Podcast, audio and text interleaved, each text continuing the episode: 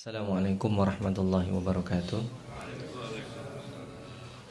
Bismillahirrahmanirrahim Alhamdulillah Alhamdulillahilladzi anzala al-Quran Alhamdulillahi an'amana bi anwa'in ni'am Wa faddalana ala sairi khalqihi bi ta'limil ilmi wal bayan Allahumma salli wa sallim wa barik ala sayyidil anam Sayyidina Muhammadin sallallahu alaihi wasallam Wa ala alihi wa ashabihi ajma'in amma ba'd Bapak-bapak, ibu-ibu, kaum muslimin dan muslimat yang dicintai Allah SWT bersyukur kepada Allah. Pada pagi hari ini kita diberikan kemudahan-kemudahan memulai hari dengan kebaikan. Berdoa kepada Allah mudah-mudahan Allah sabatkan kebaikan tersebut. Allah berikan keistiqomahan kepada kita. Allahumma amin. Kita akan lanjutkan tadabur kita halaqah kita yang ke-30 insyaallah kita akan menadaburi ayat 191 ya, dari surat Al-Baqarah sampai 196. E, sejenak kita berikan review pertemuan sebelumnya bahwa setelah usai membahas tentang puasa, maka ada perpindahan kalau puasa itu ada menahan untuk diri sendiri, maka prakteknya Eh, Allah SWT menginginkan kita tahan untuk orang lain. Maka ada ayat wala ta'kulu amwalakum. Jadi kalau sudah terbiasa menahan sesuatu yang dihalalkan selama satu bulan maka idealnya setelah keluar dari bulan Ramadan dia menahan sesuatu yang syubhat sesuatu yang haram itu lebih mudah. Maka ada ayat wala ta'kulu amwalakum dan seterusnya Kemudian setelah itu membahas tentang jihad ya. Membahas tentang kebaikan yang umum, kemudian masuk yang kemarin kita singgung sedikit ayat 190. Ini harusnya kita mulai dari sini supaya tidak bias karena kalau langsung 191 serem ya. Waktu luhum bunuhlah mereka. Nah, ini siapa nih? Belum apa-apa langsung disuruh bunuh. Ini review satu ayat yang perlu kita tadaburi di pertemuan sebelumnya. A'udzubillahi minasyaitonirrajim. Al-Fakir bacakan 190 ya di akhir pertemuan kemarin. Waqatilu fi sabilillahi alladhina yuqatilunakum wa la ta'tadu innallaha la yuhibbul mu'tadin. Dan perangilah di jalan Allah fisabilillah itu itu ada pembenaran di sana. Jadi tidak segalanya kita boleh memerangi orang. Ada syaratnya. Siapa mereka? Mereka yang memerangi kalian dan jangan berlebihan, jangan melewati batas. Sesungguhnya Allah Subhanahu wa taala tidak menyukai orang-orang yang melewati batas. Nah, ketika di dalam peperangan itu kaidah di dalam peperangan dua, kalau kita tidak membunuh, kita akan dibunuh. Makanya di sini menggunakan bahasa yang keras. Waqtuluhum haitsu saqiftumuhum Bunuhlah mereka di mana pun mereka berada. Nah ini mereka berada di balik pebukitan, bunuh mereka. Mereka di atas kuda, bunuhlah mereka. Mereka berada di uh, bawah tanah, bunuhlah mereka. Jadi di mana saja kita memungkinkan untuk membunuh mereka, bunuhlah mereka. Karena sesungguhnya mereka membahayakan. Nah ini dalam artian peperangan yang sesungguhnya itu ada adab-adabnya Nanti di dalam uh, beberapa ayat ya, dalam surat Al-Hasr bahkan uh, ketika terjadi pengusiran Bani Nadir itu bahkan dilarang mematahkan atau memotong pohon-pohonan apalagi sampai melukai anak-anak dan perempuan. Ini tetap yang disuruh hum di sini bukan semua orang kafir tapi semua orang-orang yang memerangi tadi itu. Bahkan seandainya di antara mereka ada umat Islam yang berkhianat di barisan mereka juga harus dibunuh.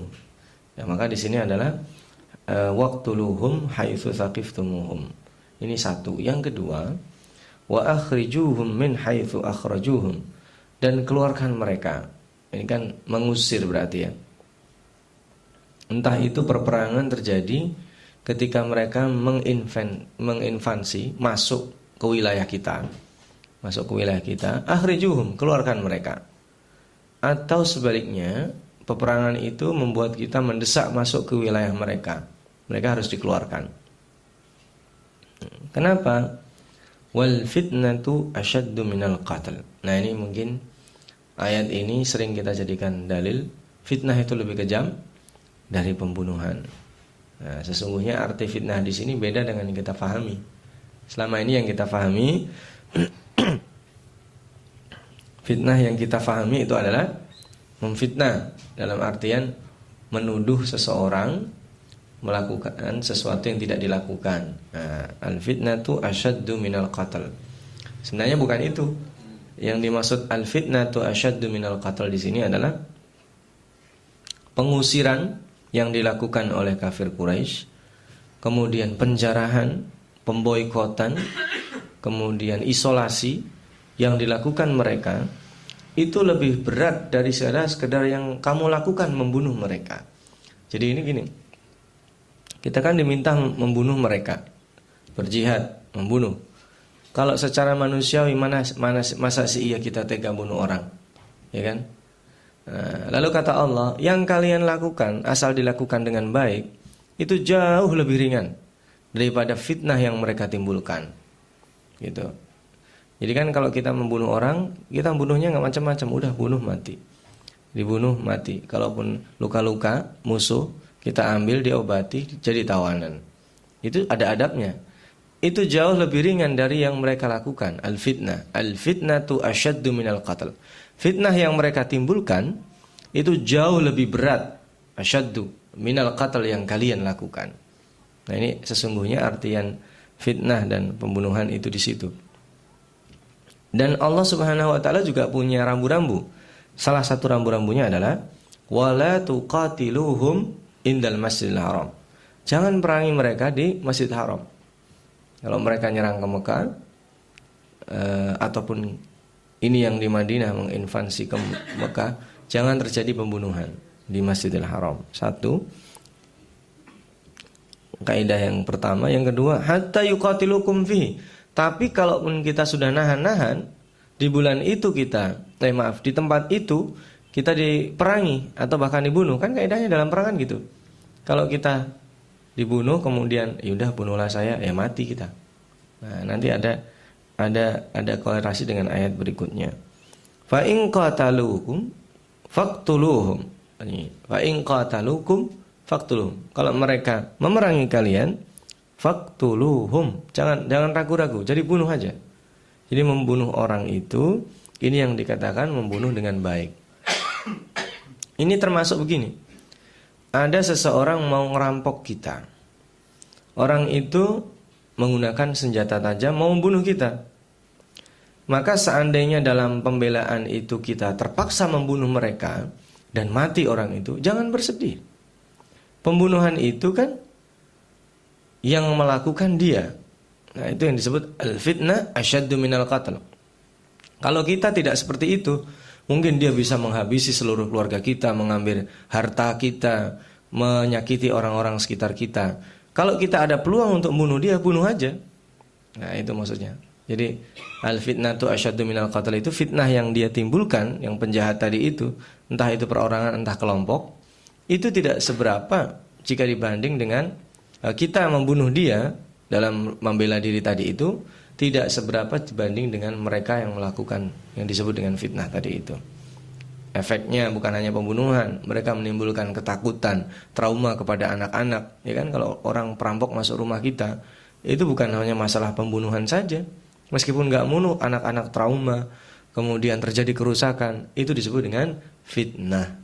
Kalau dalam proses itu kemudian kita berhasil bunuh perampok tersebut, nggak usah sedih, bisa jadi itu kesalahan, tapi itu tidak ada tidak ada apa-apanya jika dibanding dengan fitnah yang mereka lakukan. Itu ya. Kadzalika jazaul kafirin. Itulah balasan orang-orang yang kafir. Tapi bukan hanya kafir itu bukan berarti non muslim, beda. Al-Qur'an dalam membahasakan kafir tidak ada yang bagus.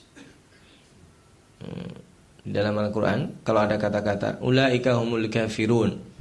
Qul ya ayyuhal kafirun itu tidak ada yang bagus. kalaupun ada yang bagus nanti dipilah.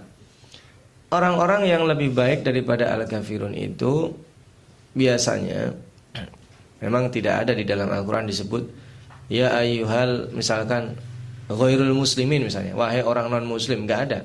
Tetapi penyebutan kafir itu korelasinya adalah meniadakan iman atau Islam. Dalam konteks ideologis berarti tidak bagus. Tetapi orang seperti itu bisa kita berinteraksi secara sosial. Nah ini di sini kafir ini sudah non muslim, dia memerangi kita, menimbulkan fitnah, bukan hanya memerangi saja ya, menimbulkan fitnah yang lebih berat. Fa tahu kalau mereka itu menyudahi permusuhan kepada kita, fa innallaha ghafurur rahim. Masya Allah. Allah itu maha pengampun, lagi maha penyayang. Artinya, saat ini bukan dihapus ya. Ayat ini mengandung banyak hal. Fa tahu kalau mereka berhenti, kemudian bertaubat, apalagi memeluk Islam, maka merupakan kewajiban kita untuk memaafkan mereka karena Allah Subhanahu wa taala akan mengampuni mereka dengan taubat yang mereka lakukan. Taubat tentunya dengan dengan masuk Islam. Kalau fa'inin tahu mereka berhenti, berhenti saja. Jangan kita bunuh tuh orang semuanya. Ya, pernah suatu ketika Zaid ya dalam peperangan itu beliau membunuh seseorang yang bersyahadat. Beliau mengira orang yang bersyahadat ini dia bersyahadat untuk melindungi dirinya supaya nggak dibunuh. Sudah cerita berhasil dalam peperangan sampai di titik ini cerita Rasulullah SAW marah sekali. Kenapa engkau membunuh orang yang bersyahadat? Kata Zaid katanya. Dia bersyahadat hanya demi untuk melindungi dirinya dari pedang yang aku hunus. Marah baginda Rasulullah. Dari mana engkau tahu bahwa orang tersebut melakukan itu hanya karena untuk melindungi dirinya? Nah ini kan kita menilai sesuatu yang zahirnya saja. Meskipun dia misalkan sudah menyerah, kita ampuni. Tetapi tetap namanya juga harus hati-hati. Orang tersebut kita ambil sebagai tawanan. Nah ini itu ada kaidahnya dalam masalah perang ya. Nah, ini pembahasan tuntas kemudian ini spiritnya. Kenapa kita disuruh memerangi mereka? Waqatiluhum hatta la takuna fitnah. Kita harus memerangi mereka karena kalau tidak fitnah akan terjadi. Nah, Al-Fakir lengkapi ayatnya ya supaya enak ya. Wa lillah dan supaya agama Allah itu dimurnikan karena Allah. Kenapa? Kalau orang yang menghalangi kita melakukan eh, berislam secara kafah sempurna, kita tidak perangi. Akibatnya apa? Kita sholat dihalang-halangi. Kita mau berdakwah jadi takut-takutan. Anak-anak mau belajar Islam jadi jauh. Ya, seperti hari ini disupport itu yang namanya Valentine Day. Hari Valentine semuanya disupport media macam-macam uh, industri. Kalau itu tidak kita perangi, maka anak-anak kita secara moral hedonistik akan menyerang. Nanti kan itu kalau udah hedon, nanti kehidupan materialistik serba boleh, itu yang akan menjajah. Kalau kita tidak perangi, maka akan sulit kita beribadah. Maka wayakuna dinulillah itu artinya mengesahkan Allah SWT secara totalitas. Nah ini kenapa? Ini yang pertama, yang kedua, fa tahau kalau mereka sebagian dari mereka itu menyudahi peperangan itu, fala udwana illa zalimin. Ini kata-katanya sangat dahsyat sekali.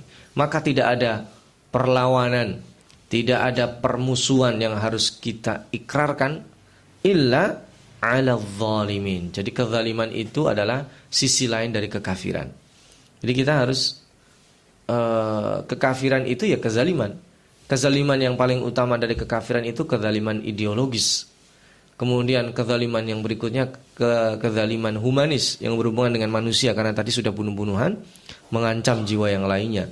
Maka di situ yang dimaksud tadi itu fitnah. Sekarang kalau kita melakukan apa saja yang yang berkaitan dengan agama kita sulit, nah, itu muncul dari fitnah. Tapi ini misalkan jangan kita, iya betul, saya haji aja sulit. Sekarang mau haji saya daftar kok dia halangin baru disuruh berangkat 10 tahun yang akan datang. Itu fitnah. Ntar dulu. Itu bukan fitnah. Itu regulasi. Itu peraturan. Ya kalau orang mau haji sekarang berangkat sekarang susah nggak muat itu. Nah, itu bukan fitnah. Fitnah itu misalkan betul haji itu ada tapi kita dilarang. Nah, itu fitnah. Uh, baik berupa kebijakan pemerintah, kebijakan penguasa, lainnya pemerintah dan penguasa. Nah, yang kedua, hal-hal yang menyebabkan kita terhalang seperti itu. Jadi, secara sosial itu keburukan terekayasa sehingga kita menghalangi kebaikan itu enak dilakukan. Itu fitnah juga termasuk yang bukan saya katakan nggak katakan paling kecil. Kita mau puasa sulitnya minta ampun, nah itu sudah ada fitnah. Mau sholat subuh susahnya minta ampun, sudah ada fitnah. Kenapa? Televisi misalkan sudah non-stop di rumah. Itu fitnah kecil di rumah kita misalnya. Kemudian kita mau melakukan majlis taklim dipersulit izinnya, nah, itu fitnah. Nah, tapi nggak sampai bunuh-bunuhan ya. Eh, ini fitnah yang bunuh-bunuhan ini fitnah yang sudah masuk ke fisik tadi itu. Dia perampok, eh, kemudian gerombolan. Bukan hanya dia menginginkan Islam itu tidak dijalankan tapi dihabisi kita.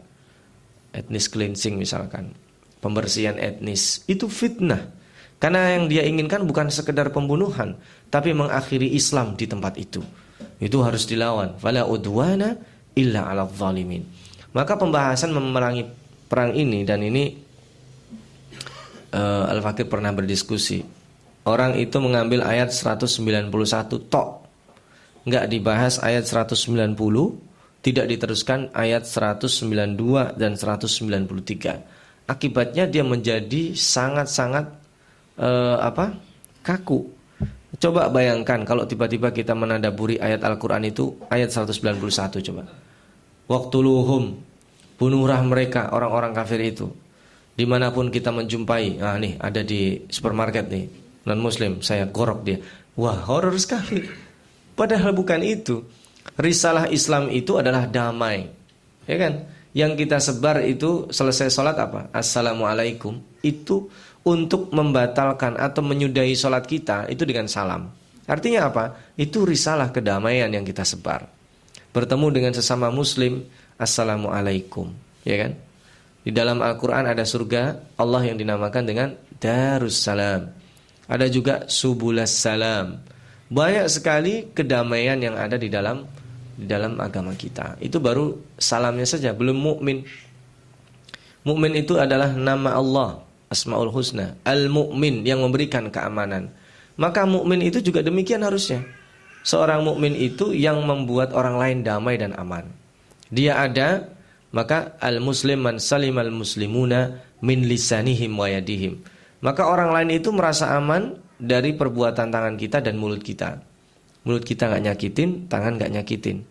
Otomatis yang lainnya juga. Kenapa tangan kenapa mulut itu representasi dari sikap fisik dan sifat sikap yang lainnya. Sikap fisik itu nempeleng. Sifat kebijakan dia nanda tanganin sesuatu yang merugikan. Itu juga tangan kan mulut dia perintahkan, dia mencaci itu secara langsung dan secara tidak langsung. Maka fitnah-fitnah ini yang tadi kita bicarakan itu wajib hukumnya diperangi karena di sini fiilnya amr. Fiil amr di sini wajib. Peperangan itu wajib terjadi ketika fitnah itu sudah mendominasi. Dan itu bahkan dalam kondisi seperti ini itu bisa sampai fardu ain kalau orang meninggalkan peperangan akibatnya apa? Nanti ada terusannya di ayat eh, 195 nanti kalau udah sampai kita bahas. Nah, itu yang pertama tempat ya, Masjidil Haram. Sekarang waktu. Asy-syahrul haram bisyahril haram wal hurumatu qisas. Ada empat waktu yang dilarang berperang di zaman jahiliyah. Yaitu bulan-bulan haram. Bulan haram itu apa? Dhul Qa'dah, Dhul Hijjah, dan Muharram. Nanti ditambah lagi satu bulan haram yang terpisah yaitu bulan Rajab. Nah di empat bulan itu dilarang terjadi peperangan. Jadi ada wilayah damai ya. Ada wilayah damai berbentuk waktu yaitu Masjidil Haram, nggak boleh melakukan peperangan di sana. Dan ada wilayah damai yang berbentuk waktu. Oh tadi tempat, waktu juga. Itu sama, di mana pun juga kita ada namanya gencatan senjata itu nanti ada batasnya. Batas waktu dan batas tempat. Tidak boleh menyerang bla bla bla bla bla. dan tidak boleh menyerang pada waktu bla bla bla bla. Itu ada. Tetapi itu kata Allah, kalau mereka menyerang di bulan haram, asyahrul haram, bisyahril haram, wal hurumat dan yang diharamkan Allah dari tempat dan waktu itu seandainya dilakukan peperangan, kisos. Kita juga harus membela diri, harus melakukan itu. Eh, maka dalam bulan-bulan haram itu bukan berarti tidak ada peperangan. Bahkan bapak-bapak dan ibu-ibu di bulan puasa yang kita sakralkan itu justru banyak terjadi peperangan. Hmm, ya kan? Perang Badar, perang Badar yang pertama, Badar al-Kubra, Badar yang kedua disebut Badar al-Kubra, itu terjadi di bulan Ramadan dan peperangan-peperangan lainnya. Dan itu yang luar biasa menandakan bahwa Fitnah itu harus diperangi kapan dan di mana saja. Nah, apalagi di tempat yang sangat harus kita sterilkan dari fitnah. Mana itu tempatnya? Masjid Al-Haram dan masjid. Nah, ini meskipun di sini disebut Masjidil Haram, nanti para ulama meskipun ini letter lucknya ya, apakah masjid kita termasuk? Ya iyalah. Kita peperangan di dalam masjid mah nggak boleh. Kalau mau pukul-pukulan ayo keluar masjid, ibarat kata gitu. Jadi ada orang di dalam masjid membuat keributan. Eh, saya jadi teringat kasus Tanjung Priok nih. Nah, ini kasus Tanjung Priok itu disebut fitnah. Wal fitnah tu asyaddu minal qatl. Meskipun nanti nuansanya politis, tapi itu yang disebut fitnah sesungguhnya. Ya, kalau kita bahas kasus Tanjung Priok itu menyakiti umat Islam. Itulah fitnah sesungguhnya. Jadi apalagi itu wilayahnya adalah wilayah masjid yang steril dari hal-hal demikian kita tidak menginginkan darah ditumpahkan apalagi di masjid. Dihinakan apalagi di masjid di tempat yang suci. Terus di waktu-waktu yang yang tertentu. Nah ini spiritnya ya. Famani i'tada 'alaikum, orang yang melanggar fa'tadu 'alaihi bimithli ma 'alaikum, maka lakukan secukupnya. Jadi gini loh. Orang misalkan ini saking kejamnya naudzubillahi min dia bunuhin keluarga kita, dibunuhinya itu mungkin sampai disiksa dulu, sampai diapakan dan sebagainya. Itu keter, kalaupun kita membunuh mereka, jangan melakukan yang serupa. Meskipun di sini bimithli ma'tada alaikum, itu jangan kita siksa dulu, mereka bunuh-bunuh saja. Karena kan menghilangkan nyawa, nyawa mereka itu untuk wala udwana 'alal zalimin illa 'alal zalimin itu, untuk mencegah kezaliman yang lebih besar. Tapi kalau kita melakukan yang sama, menyiksa juga itu ruhnya kan berarti beda. Kita ada pembalasan dendam di sana. Nah ini. Fattakullah, maka ada perintah bertakwa di sini. Wattaqullah wa'lamu annallaha ma'al muttaqin. Jadi keinginan kita sulit ya. Coba dalam peperangan misalkan. Bayangkan bapak dibunuh, kemudian istri saudara dibunuh, dibunuhnya dengan cara yang keji di dalam peperangan itu. Kemudian kita ada kesempatan membunuh orang yang melakukan itu, itu untuk menyisakan atau meninggalkan, menanggalkan rasa dendam sulit. Maka di situlah ada perintah takwa. Wattakullah, bertakwa. Jadi bertakwa itu dalam kondisi apa? Dalam kondisi yang sangat marah yang luar biasa. Bahkan baginda Rasulullah Shallallahu Alaihi Wasallam ketika tahu Al-Wahsy ini yang masuk Islam, itu sisi kemanusiaannya pun ditampilkan dalam sejarah. Wahsy sulit untuk dalam tanda kutip dimaafkan meskipun baginda Rasulullah SAW pemaaf. Beliau akhirnya memberikan saran, kamu jangan jangan jangan ketemu saya lagi. Kenapa? Karena dia yang membunuh paman yang dicintai Rasulullah SAW, Hamzah. Ini Wahsy itulah yang membuat dia sedih kan akhirnya menyingkir dia dan dia akan menebus nanti suatu ketika. Maka ketika Wahsi berhasil membunuh nabi palsu, dia itu ada lega sekali. Jadi seolah-olah inilah tebusan. Kalau dulu dengan tombak ini aku bunuh orang yang di antara orang terbaik, dengan tombak ini juga aku bunuh si pendusta Musailamah al-Kadzab. Nah ini. Jadi di situ kita disuruh bertakwa dan sudah dicontohkan. Rasulullah kan memberikan solusi. Karena kalau melihat situ lama-lama kita nggak tahan. Sama dengan Abdullah bin Ubay ya punya anak Abdullah bin Ubay bin Salul ya Rasulullah kalau engkau perintahkan membunuh ayahku jangan kau perintahkan selain diriku Ayahnya kan munafik ya. Kenapa? Kalau yang membunuh orang lain takutnya dia nggak nggak siap. Membunuh orang lain dendam dia. Tapi kalau diperintah Rasulullah bunuh bapakmu selesai. Karena dia juga jengkel, malu punya bapak kayak gitu. Abdullah bin Ubay itu kan sangat jengkelin sekali. Dia muslim tapi munafik dan itu satu-satunya orang yang munafiknya tidak diperdebatkan hmm, dalam sejarah. Abdullah bin Ubay bin Salul itu kemunafikannya luar biasa dan diakui uh, di dalam sejarah tidak ada yang tidak mengakui. Kalau nama-nama yang lainnya masih diperdebatkan. Nah, selesai di situ yang menarik kemudian muncul ayat ini. Wa anfiqu fisabilillah.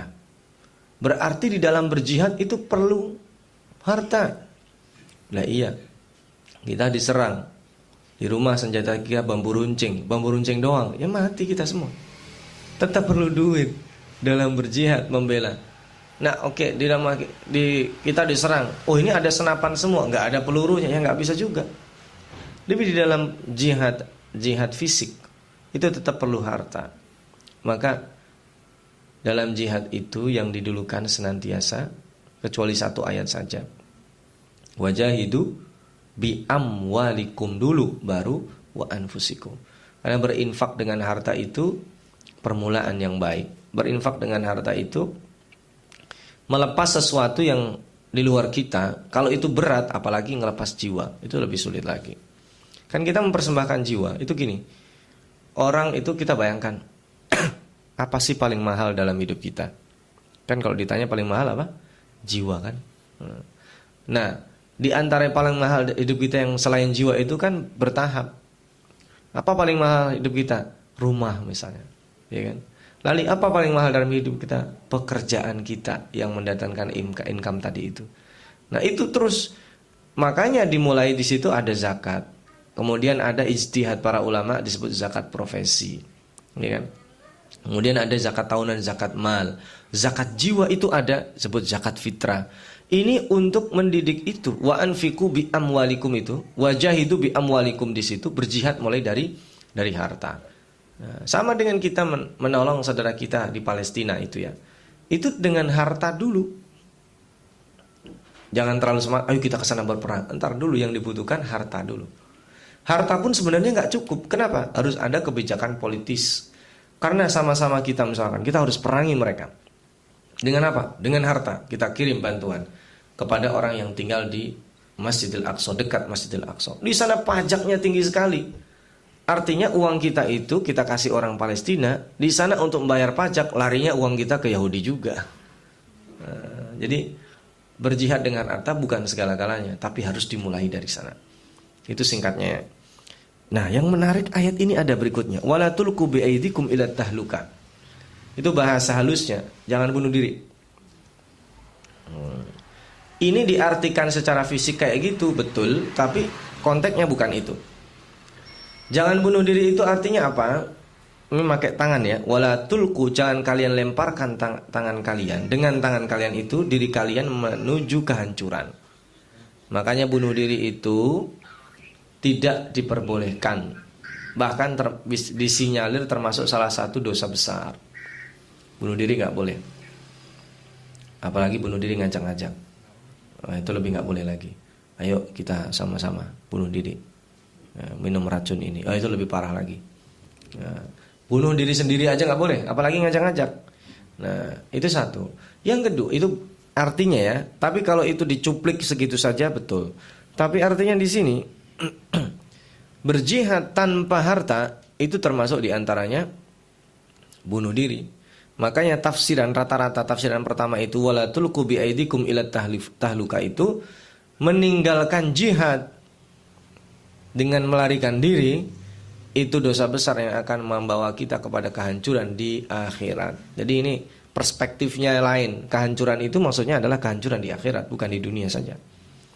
Meninggalkan jihad fisik pada saat seperti ini fitnah atau kemudian menghinakan diri atau kemudian pada saat peperangan itu membawa kehancuran, maka ini juga sekaligus dalil ketika pemimpin itu melihat kayak Khalid bin Walid ya itu melihat ini perang kalau diteruskan mati semua pada peperangan Mu'tah itu ya itu pimpinan-pimpinannya sudah mati.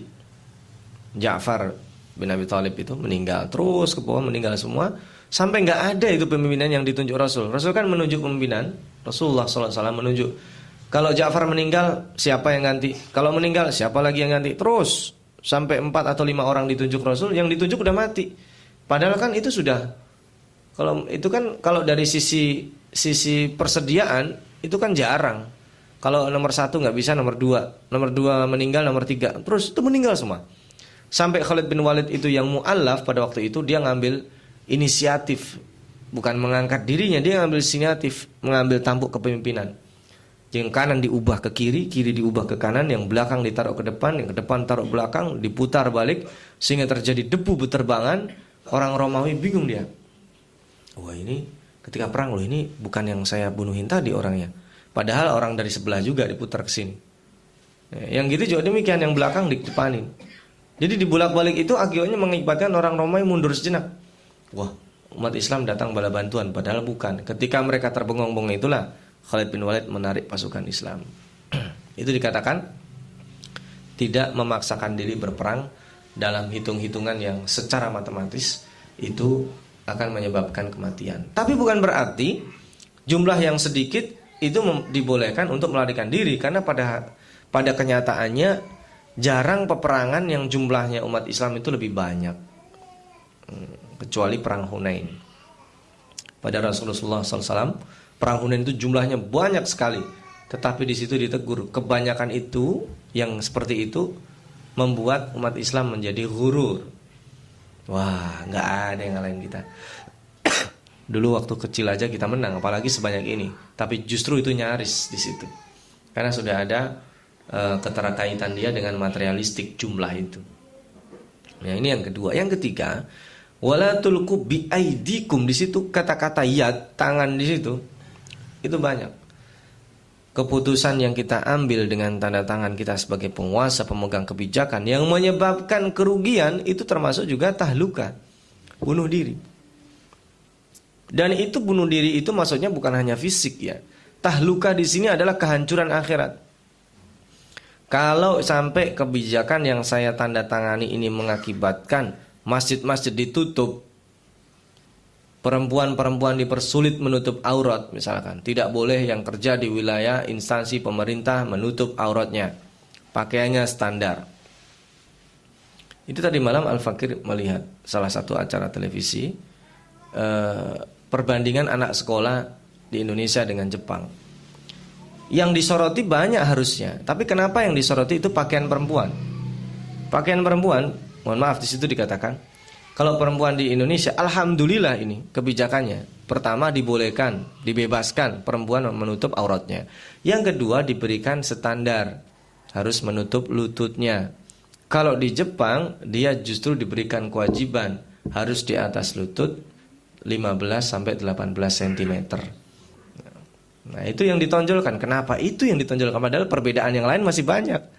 Nah, kalau itu sampai kemudian dibaca orang-orang yang tidak menyukai kemudian dijadikan kebijakan, itu disebut dengan kehancuran. Jadi ini kehancurannya bukan kehancuran fisik. Wala tulku bi aidikum ila tahlukati itu kehancurannya adalah kehancuran akhirat dulu. Nah, baru di situ diambil boleh dilokalisir membunuh diri itu juga nggak boleh. Nah, bunuh dirinya dengan cara apa pun juga yang namanya bunuh diri. Misalnya, oh saya nggak bunuh diri kok, saya nyewa pembunuh bayaran untuk membunuh saya kan ada juga orang kayak gitu. Udah bingung ngabisin duit dia, hanya menyewa pembunuh bayaran untuk bunuh dirinya sendiri. Nah itu juga nggak boleh. Ya, menyebabkan diri kita dalam kondisi bahaya itu disebut wala tulku biaidikum tahluka. Nah, lihat belakangnya wa ahsinu Innallaha yuhibbul musinin.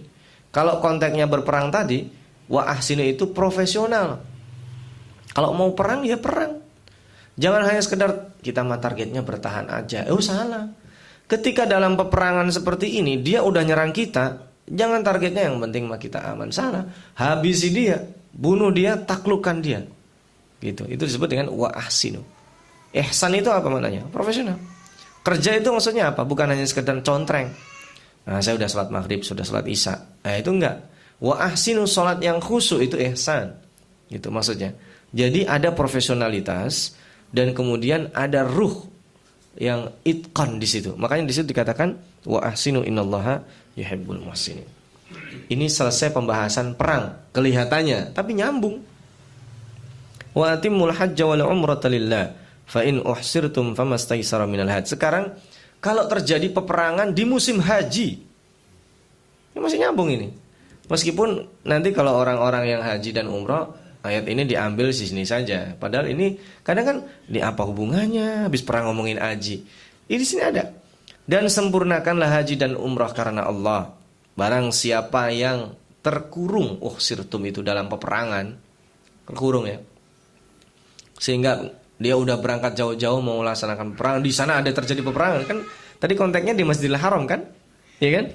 Famastaisara minal had. Berarti dia membayar fidyah mohon maaf dia melakukan sesembelihan. Ini disebut dengan haji terus kemudian nah ini baru dibahas yang lainnya bukan hanya masalah peperangan itu. Kalau ada orang sedang haji itu kan nggak boleh motong rambut ya. Tapi ini hati-hati coba terjemahkan. Wala tahriku ruusakum. Dan janganlah kalian mencukur kepala kalian. Itu kan nyukur kepala mati berarti motong kepala bukan berarti motong kepala. Di sini dalam bahasa Arabnya itu adalah memotong sesuatu yang ada di kepala yaitu rambut. Ini kalau mau jujur ya, kalau di anda diterjemahkan letter luck, kita takut. Makanya kalau di situ bacanya apa? Diterjemahan. Mencukur apa? Nah, mencukur kepalamu kan? Mencukur kepala itu artinya apa? Motong kepala kan? Ya mati berarti. Padahal kita baru baru membahas nggak boleh. Maksudnya sesuatu yang ada di di dalam eh, di atas di atas kepala kita, yaitu rambut ya. Itu bahasa Al-Qur'an ya kayak gitu, bukan masalah paham nggak pahamnya. Kenapa Allah tidak mengatakan misalkan wala tahrik wala tahliku misalkan uh, sya'ar di situ. Langsung rambutnya saja. Kenapa? Karena masalah kepala itu lain di sini. Kita lanjutkan ya. Hatta yablughal hadyu mahillah fa in kana minkum maridun aw bihi adan min ra'sihi fa fidyatun min siyamin aw shadaqatin aw nusuk. Jadi mencukur kepala sebelum selesainya al-haji itu sesembelihan ya, yang disembelih sampai ke tempatnya. Artinya nyukur kepala itu kalau sudah dipastikan bahwa hewan sesembelihan kita itu sudah disembelih gitu aja, sudah sampai tempat penyembelihan. Itu teknis uh, waktu kita haji saja sebenarnya. Ya, kan kita kan nggak mungkin kan. Biasanya kan kita pasrah kan. Eh berapa nih? Udah diwakili sama dipasrahkan sama orang. Biasanya kita nggak nunggu.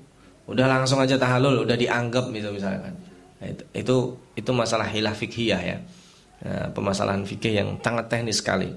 Nah, atau wamangkan amin kumaridon atau punya rasa sakit di kepala yang mengharuskan dicukur. Makanya bahasanya aubihi adzan. Mohon maaf, misalkan ada sesuatu dia di sini mau dibekam misalnya. Ada nggak orang dibekam kepalanya nggak dicukur dulu? Ya susah. Ya, bisa nggak? Dibekam kepalanya tapi nggak pakai dicukur dulu. Oh ini saya lagi haji. Bisa nggak? Ya nggak bisa. Ya, namanya dibekam ya harus dicukur dulu. Nah, misalnya itu contohnya aja atau yang lainnya. Nah itu maka harus membayar fidyah atau sodakoh atau tadi itu menyembelih ya. Faman lam yajid kalau dia nggak menemukan, nah ini bahasanya halus sekali. Nggak menemukan itu artinya fitiah tadi sesembelian itu nggak menemukan hewan atau tidak menemukan uang untuk berkorban. Ini biasanya para mahasiswa ini dulu saya juga gitu hajinya. Nah, di situ, oh maaf ini kelewat ya, kelempat ya. Faida amintum, nah kalau udah aman, peperangan udah selesai atau memungkinkan, faman tamat ta'a. Ini jenis um, uh, haji dan umroh. Jadi ihram itu ada tiga. ini kalau saya jelaskan jadi jadi biru haji dan umroh ini panjang ini. Ada haji tamato, ada haji ifrat, ada haji kiron itu mafum ya. Kalau bapak yang sudah haji itu paham itu.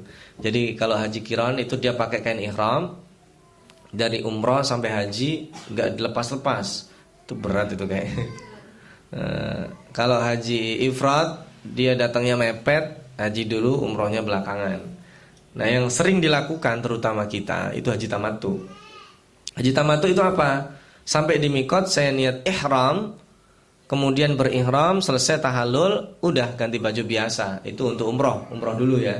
Biasa. Ntar tanggal 8 mulai lagi untuk haji. Nah, itu disebut tamattu. Ya enak lah. Nah, udah lepas oh, bisa jalan-jalan, bisa belanja. Itu makanya dikatakan aman tamatta. Nah, itu kan mustahil terjadi pada musim perang kan? Nah, kalau perang orang sempat jalan-jalan ini nggak jelas nih orang. Yang lain perang dia jalan-jalan gitu. Makanya disebut faman tamatta'a orang yang tamattu bil umroh dengan haji itu juga dia harus membayar fidyahnya dengan sesembelihan. Kalau yang nggak bisa puasa. Nah ini yang menarik di sini. Ini tapi nggak cukup nih waktunya. Ya, nanti kita lanjutkan dialog kalau masih penasaran. Lihat disuruh puasa 10 hari, tapi kaidahnya nih yang bikin menarik. Yaitu Faman lam yajid fasiyamu thalathati ayyamin fil hajj. Disuruh kita puasa tiga hari selama musim haji. Hmm. Tiga hari puasanya di sana musim haji. Musim haji itu berakhir sampai tanggal 9 ya, 9 Dhul Hijjah itu berakhir. Jadi sebelum itu berakhir atau ada yang mengatakan dilonggarkan. Fil haji itu maksudnya tempatnya selama belum pulang dari sana. Itu ada yang lebih melonggarkan lagi. Nah, disuruh puasa kita tiga hari di sana dan kalau sudah pulang ditambah tujuh hari. Nah, itu dikatakan tilka syaratun kamilah. Ini Al-Fakir lewatin ya karena ini menarik sebenarnya kalau mau dibahas itu. Kenapa kok gitu?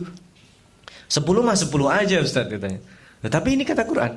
Sepuluh itu komposisinya tiga di sana, tujuh di tempat balik kita. Mungkin lain waktu ya kita tadaburi ya. Dari kalimat lam yakun ahluhu hadiril masjidil haram. Ini bahasa lebih halus lagi. Itu adalah untuk orang pendatang haji yang bukan penduduk Mekah. Kalau yang penduduk Mekah tidak diwajibkan seperti itu. Punya saudara itu artinya dia aslinya penduduk situ gitu. Bukan kita, oh saya saudara saya di sana bermukim di sana gitu. Nah, tidak termasuk yang itu mesti berarti.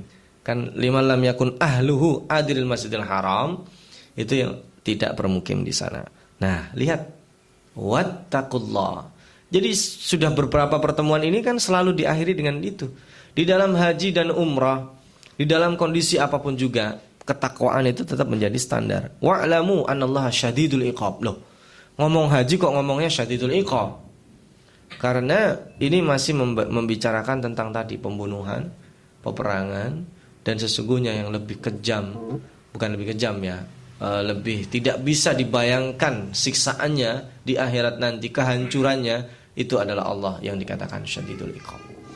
Ini mungkin yang bisa kita tadaburi masih banyak sekali ayat-ayat ini karena ini masih berkaitan dengan haji. Jadi insya Allah lanjutannya nanti uh, kita akan membicarakan tentang uh, ibadah haji. Mungkin sementara uh, ini kita cukupkan sekian. Nanti jika ada beberapa yang perlu didiskusikan beberapa menit sebelum kita meninggalkan tempat ini saya persilahkan. Jazakumullah khairan. Mohon maaf jika ada yang kurang berkenan atau yang salah. Wassalamualaikum warahmatullahi wabarakatuh.